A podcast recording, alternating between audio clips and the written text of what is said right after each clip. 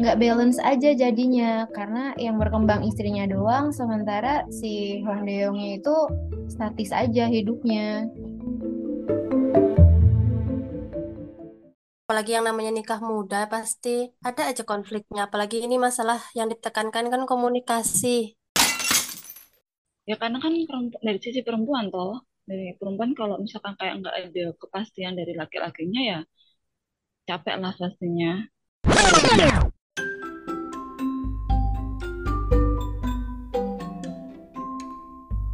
Selamat malam teman-teman semua, Kak Eka, Kak Ara, makasih ya udah mau bergabung malam ini di ruang podcast kita bersama. Kita mau bahas apa sih malam ini? Malam ini kita mau bahas tentang drama Eighteen yeah. Again. Eighteen Again, oh iya. Gimana gimana mau siapa yang mau mulai duluan nih buat curhat? Yuk silakan. Mau, mau cerita dulu. Uh, seingatku uh, drama Korea Eighteen Again ini kan tayang tahun 2020 ya. Nah, paling unik di drakor ini tuh menurutku perubahan si tokoh utamanya yang cowok. Siapa namanya? Hong Deong ya?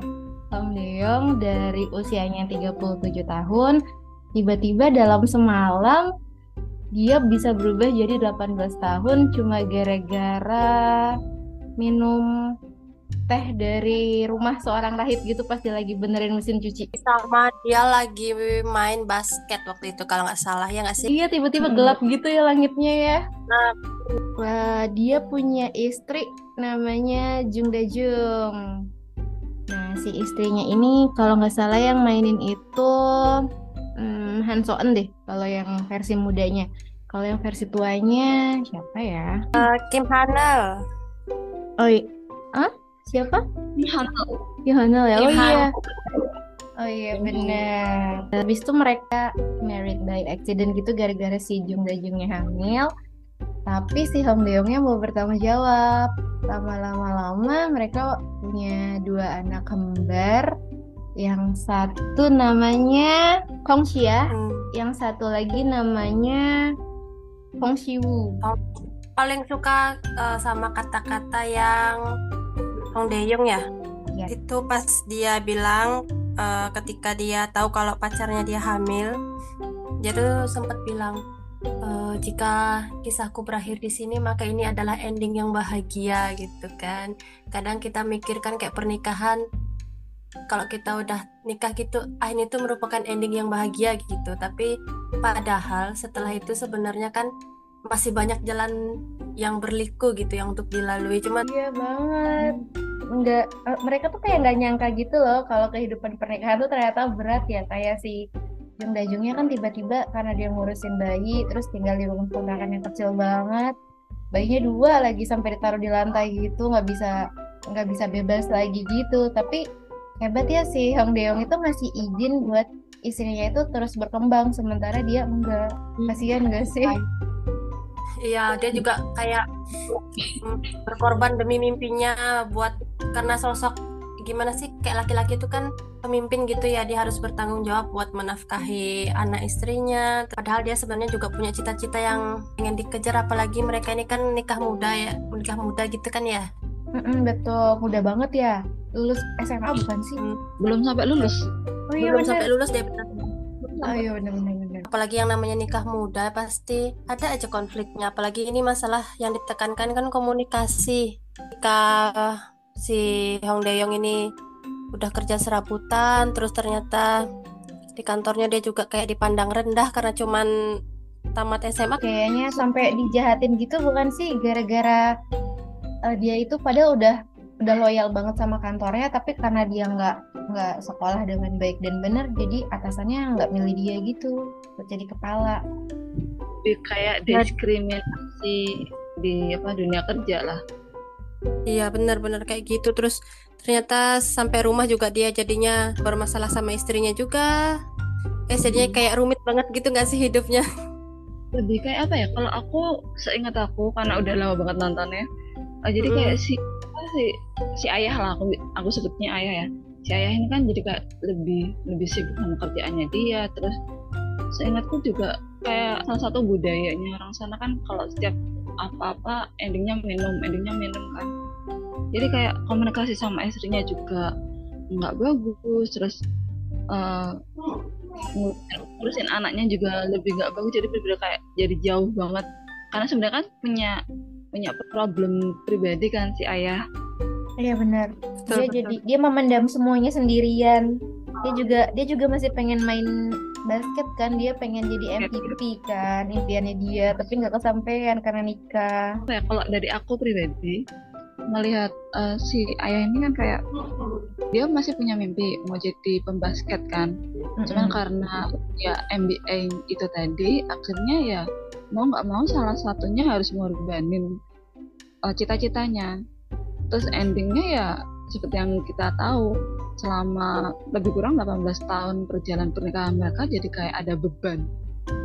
Iya sih beban iya, di salah satu ya uh, jadi kayak mis bisa dibilang si Hong Dae-yong ini merasa dia tuh udah berkorban banyak gitu ya, udah rela membuang mimpinya buat buat si istri.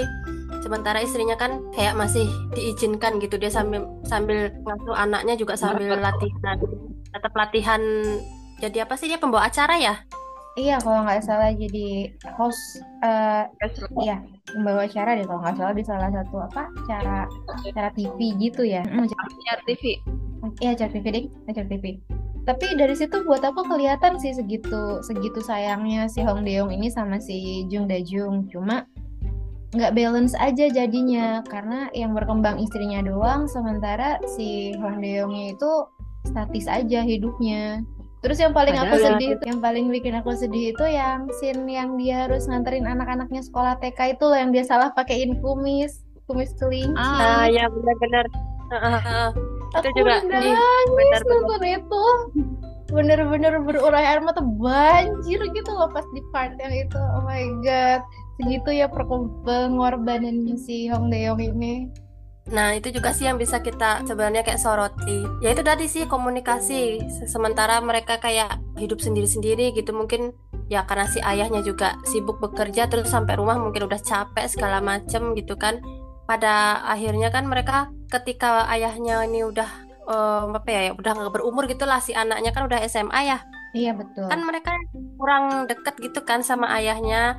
Yang anak yang cewek itu merasa kalau ayahnya nggak pernah ada untuk dirinya terus anaknya yang cowok juga kayak menyembunyikan mimpinya dia. Sebenarnya dia kan juga pengen mencintai basket. Mungkin dia kayak ngerasa nggak enak sama ayahnya karena dulu ayahnya meninggalkan mimpinya untuk menjadi pebasket. Jadi si anak yang laki ini malah malu gitu pengen bilang sama ayahnya kalau aku nih juga suka basket kayaknya iya iya iya karena sama ini sih sama apa sama kayak uh, anak bullying kan si anak cowoknya Iya, anak, oh, anak cowoknya benar si Siwu tuh kena bullying teman-temannya gitu. Sementara yang ngebelain itu si si Ahe itu kakaknya. Nah, apalagi sekarang setelah pas dia jadi muda, si Hong Dae-yong muda nih kayak dia baru menyadari gitu loh, oh ternyata anakku tuh di sekolah begini ya. Ternyata ada sisi lain anaknya tuh yang dia nggak ketahui gitu loh. Tapi yang buat aku lucu tuh temennya si Hong Deong siapa sih yang nggak nikah sampai tua itu loh. Kok mau jadi bapaknya temennya? ah ya yang aduh siapa yang yang kocak banget itu nggak sih? Ya, ah, siapa sih aku lupa namanya. itu ya karena dia kan temennya kan otomatis iya. kan ya, ya punya sahabat lah tapi lucu sahabat, kan. aja kan. karena dia juga yang yang menyadari kalau si Hong Dae-yong ini kembali ke ke masa muda gitu. Jadi kayak aku pengen bantu deh. Kan nggak mungkin juga kalau aku bilang si Hong Dae-yong ini tiba-tiba jadi muda kan aneh gitu. Dia membangun keluarganya itu karena kagetan juga. Kelihatan sih sebenarnya mereka itu sempat masih sayang masih sesayang itu cuma jahat nggak sih? Sampai buat aku tuh agak tega gitu loh si Jung Dajungnya tiba-tiba ngajuin cerai. Eh Jung Dajungnya kan ya yang ngajuin cerai ya apa bukan? Iya ya. Dajung Dajung yang ngajuin. Ya karena kan dari sisi perempuan toh. Dari perempuan kalau misalkan kayak nggak ada kepastian dari laki-lakinya ya capek lah pastinya. Kayak ngerasa kayak ini suami aku tuh bener-bener masih mau mempertahankan pernikahan kita nggak sih? Wajar sih banyak di di di sekitaranku juga banyak yang kayak gitu. Mm-mm, benar juga sih karena uh, mungkin Dajungnya juga ngerasa dia tuh capek di rumah ngurus anak dan segala macem.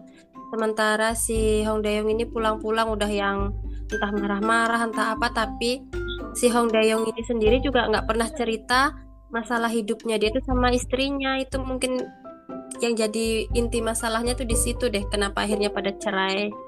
Iya salah satunya kan itu karena karena nggak ada komunikasi miskomunikasi lah istilah istilahnya kalau dibaca kita lah miskomunikasi. Karena sebenarnya kan uh, apa ya dalam pernikahan itu kan ya yang paling penting komunikasi.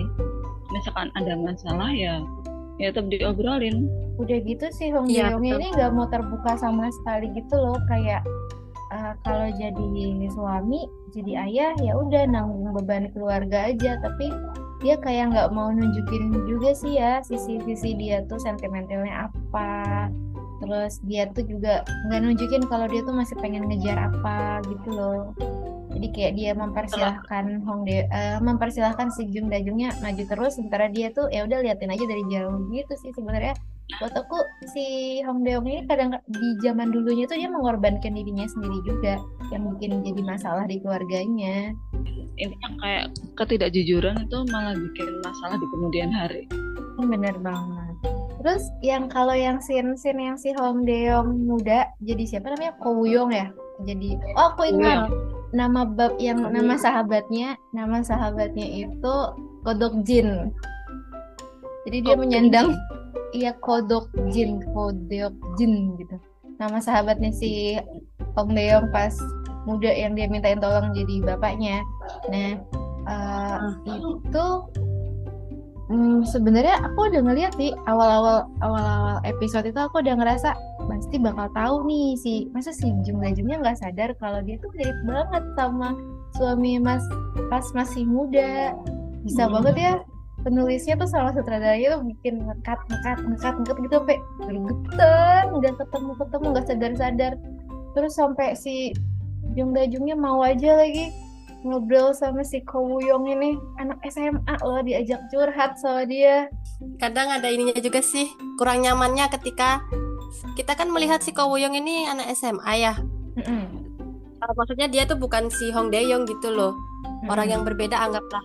Tapi kan dia tuh kayak menunjukkan rasa sukanya sama Jung Dajong yang istilahnya itu kayak ibu dari teman sepantarannya dia gitu kan. Jadi kayak ngerasa aneh nggak sih pas si Goboyong ini malah kayak jatuh cinta sama Dajong gitu kan Iya, terus yang nemenin di tangga, nemenin minum. Ya ampun, aku tuh kayak ini apa sih gitu. Kalau dilihat dari segi, oh itu loh Hong Daeyong, ya mungkin ah itu kan suaminya wajar gitu kali ya. Cuman kan kita ngelihatnya ini sisi si anak SMA gitu. Oh, iya. dari segi penonton. Mm -mm. Ini kalau dari dari segi penonton kalau nggak tahu nggak maksudnya nggak nggak ngikutin dari awal mungkin agak kaget tuh ini kan anak apa teman teman anaknya kok begini gini. Cuman mungkin ya secara kalau yang aku ingat kemarin itu kan kayak si Deong eh De, eh, sorry, yang cewek. Hmm, Deong. Iya Deong. Oh yang cewek. Dajung Dajung Dajung Dajung Dajung. Kan. Dajung oh. Dia kan kayak cara langsung kayak dia diajak flashback kan. Kayak ingat hmm. suami cuman cuman kan ya karena udah udah 18 apa udah 18 tahun berlalu otomatis kan ya ada rasa kayak lupa lah biasa kan. Walaupun walaupun kita udah hidup bareng-bareng 20 30 tahun sama seseorang tapi tetap aja pasti ada part di mana kita lupa. Lupa kayak fisiknya terus kayak gimana gimana. Cuma kayak ngerasa kok tapi kan ya juga kayak secara uh, secara apa logikanya kayak nggak mungkin kan seseorang yang udah tua balik lagi muda. Jadi kayak ngerasa oh mungkin cuma sosok ini mirip aja kali. Tapi ya ya udah jalan gitu aja. Ya betul juga sih. Karena karena kita udah lama hidup sama orang yang di fase umur 30 gitu kan. Kita kadang juga lupa nih waktu dia umur 18 atau berapa tahun puluhan tahun gitu. Gimana sih wajahnya gitu ya mbak ya? Kayak mengenal masa asmaran ya ya logikanya juga kayak gitu kan. Misalkan kayak aku sendiri aja uh, apa ya kayak oh aku punya temen namanya A. Wajahnya kayak apa? Itu kayak karena udah lama nggak ketemu lupa. Bener-bener lupa gitu. Pas ketemu di jalan pun belum tentu aku ingat kalau itu temanku waktu SMA kalau nggak dia yang bilang eh kita dulu satu sekolah loh. Ah masa sih? Jadi kayak kayak yang secara logikanya aja bisa lupa. Apalagi ini drama kan emang cuma dibikin kayak gitu dibikin se tapi drakor sering banget nggak sih bikin yang film-film tema-tema perjalanan waktu kayak gini time, time travel. cukup sering sih. Banyak sih banyak ada yang gobek juga yang yang tentang pernikahan juga. Selain ini juga ada gobek juga harus ada oh iya bener Aku Gobe cuman baru- Couple. Jang Nara yang main. Yang nara ah ya betul. Aku inget aku inget nama karakternya eh, Choi Bando sama Ma Junju itu juga nyeritain tentang apa tentang permasalahan pernikahan juga kan? Iya dan lagi-lagi intinya itu adalah masalah komunikasi kan nggak jauh-jauh memang ya masalahnya Mm-mm. itu.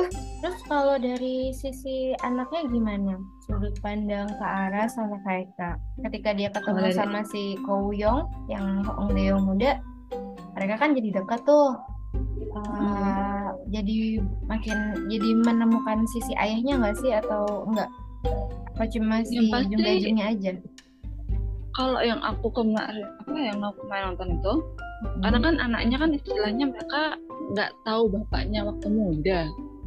Nggak tahu bapaknya waktu muda kan otomatis ya nggak tahu lah nggak sadar. Cuman mereka tahunya yaitu Gowoyong eh, anak baru terus merasa deket kayak lebih kok perhatian banget ya. Kayak cuma sekedar kayak temen yang yang mereka cari juga kan. Karena kan yang aku tahu selama mereka sekolah kan juga kayak nggak terlalu deket sama teman-teman yang lain. Karena mungkin eh, nggak tahu ya eh, mungkin bisa jadi kayak melihat orang tuanya cuman kerjanya cuma kayak gitu doang otomatis kayak ada ya tadi diskriminasi. Kalau aku yang ngeliat sih ya waktu si Kowoyong deket sama si anak-anaknya ini dia kayak menemukan eh, kekurangan sosok ayah dalam dirinya gitu loh. Dia tuh kayak menyadari oh ternyata aku ini tidak sedekat itu dengan anak-anakku. Eh, ternyata aku terlalu sibuk dengan urusanku gitu. Padahal waktu itu yang ku inget kayaknya si Hong Si Ah ini Heeh.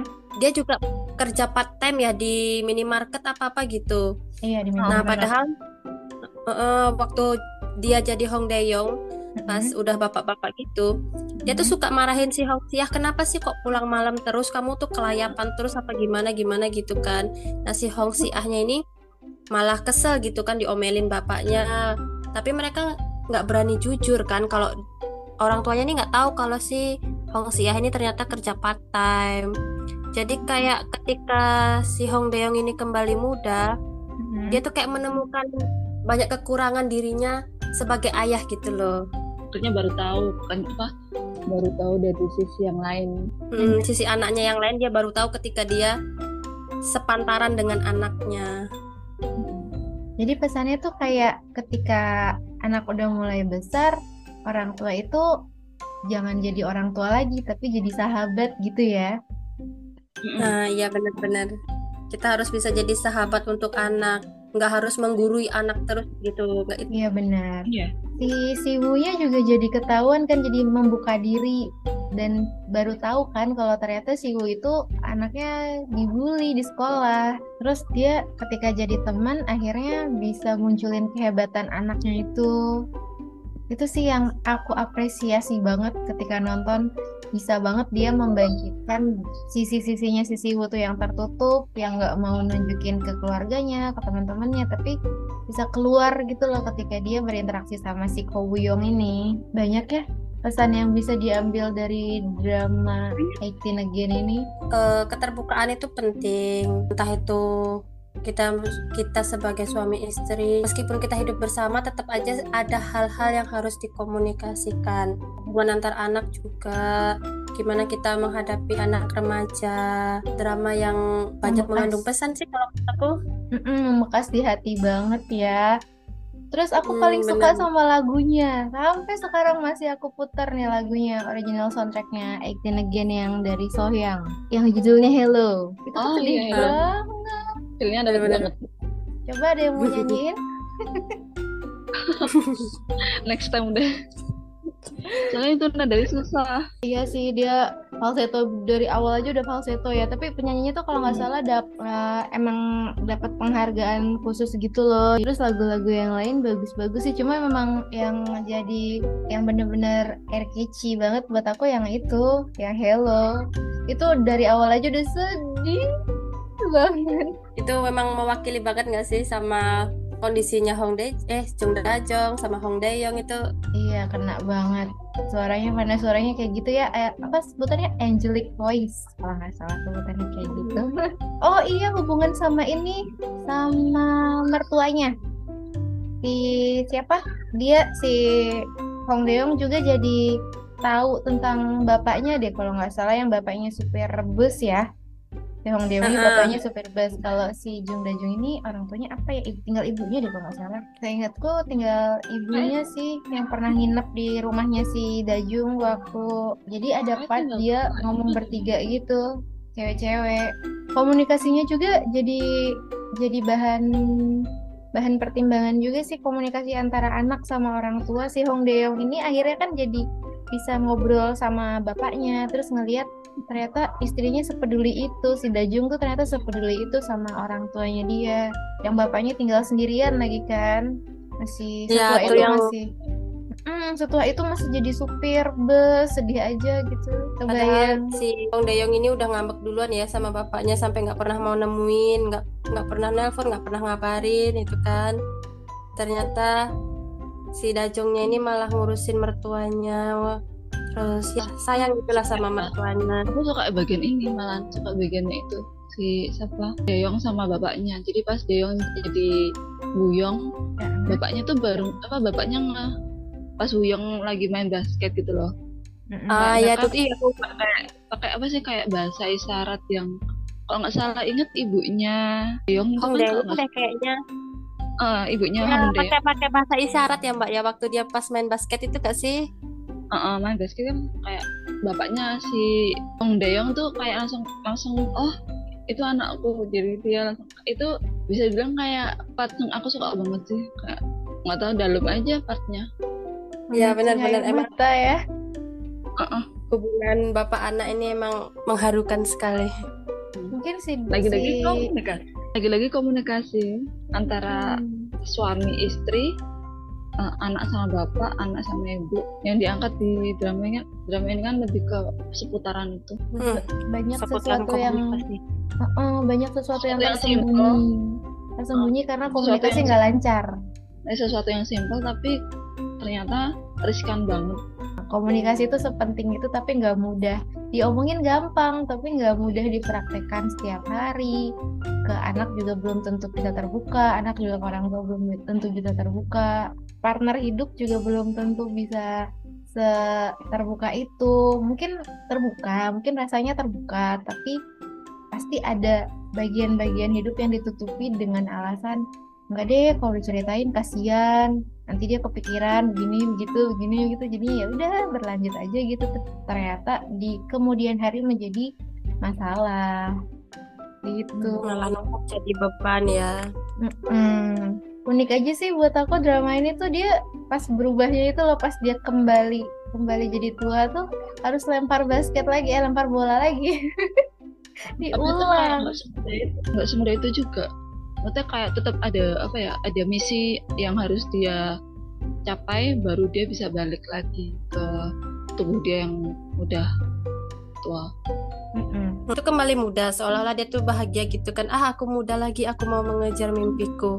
Tapi se- Mm. ternyata setelah dia menjalani kehidupan muda, terus ketemu anak-anaknya dan istrinya lagi, itu kayak wah ternyata memang kebahagiaanku tuh ada keluarga gitu. Jadi ketika dia kayak dihadapkan dengan pilihan, aku masih muda lagi atau aku kembali ke keluargaku. Jadi dia kayak milih, aku harus kembali ke keluargaku nih. Gimana caranya? Di- ada pergolakan batin lagi nggak sih di situ?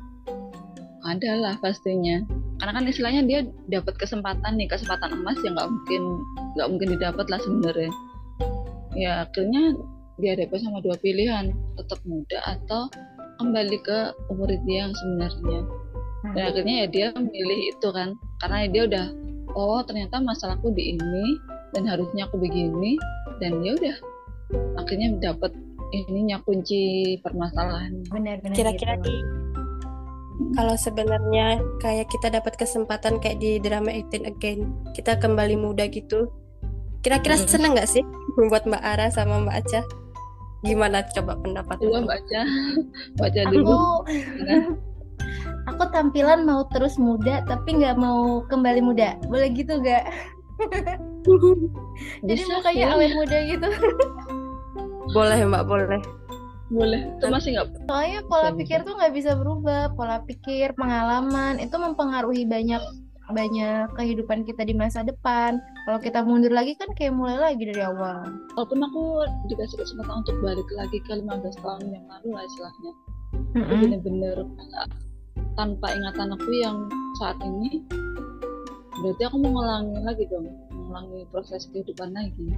Dan itu belum tentu jadi lebih baik daripada yang saat ini jadi Iya, kayak betul. mengulang mengulang masa lalu sama memperbaiki lebih sebenarnya lebih mudah memperbaiki dibanding mengulang karena mengulang kan berarti kita nol nol lagi kita aku lebih memilih untuk memperbaiki Nah, kalau Mbak Eka gimana?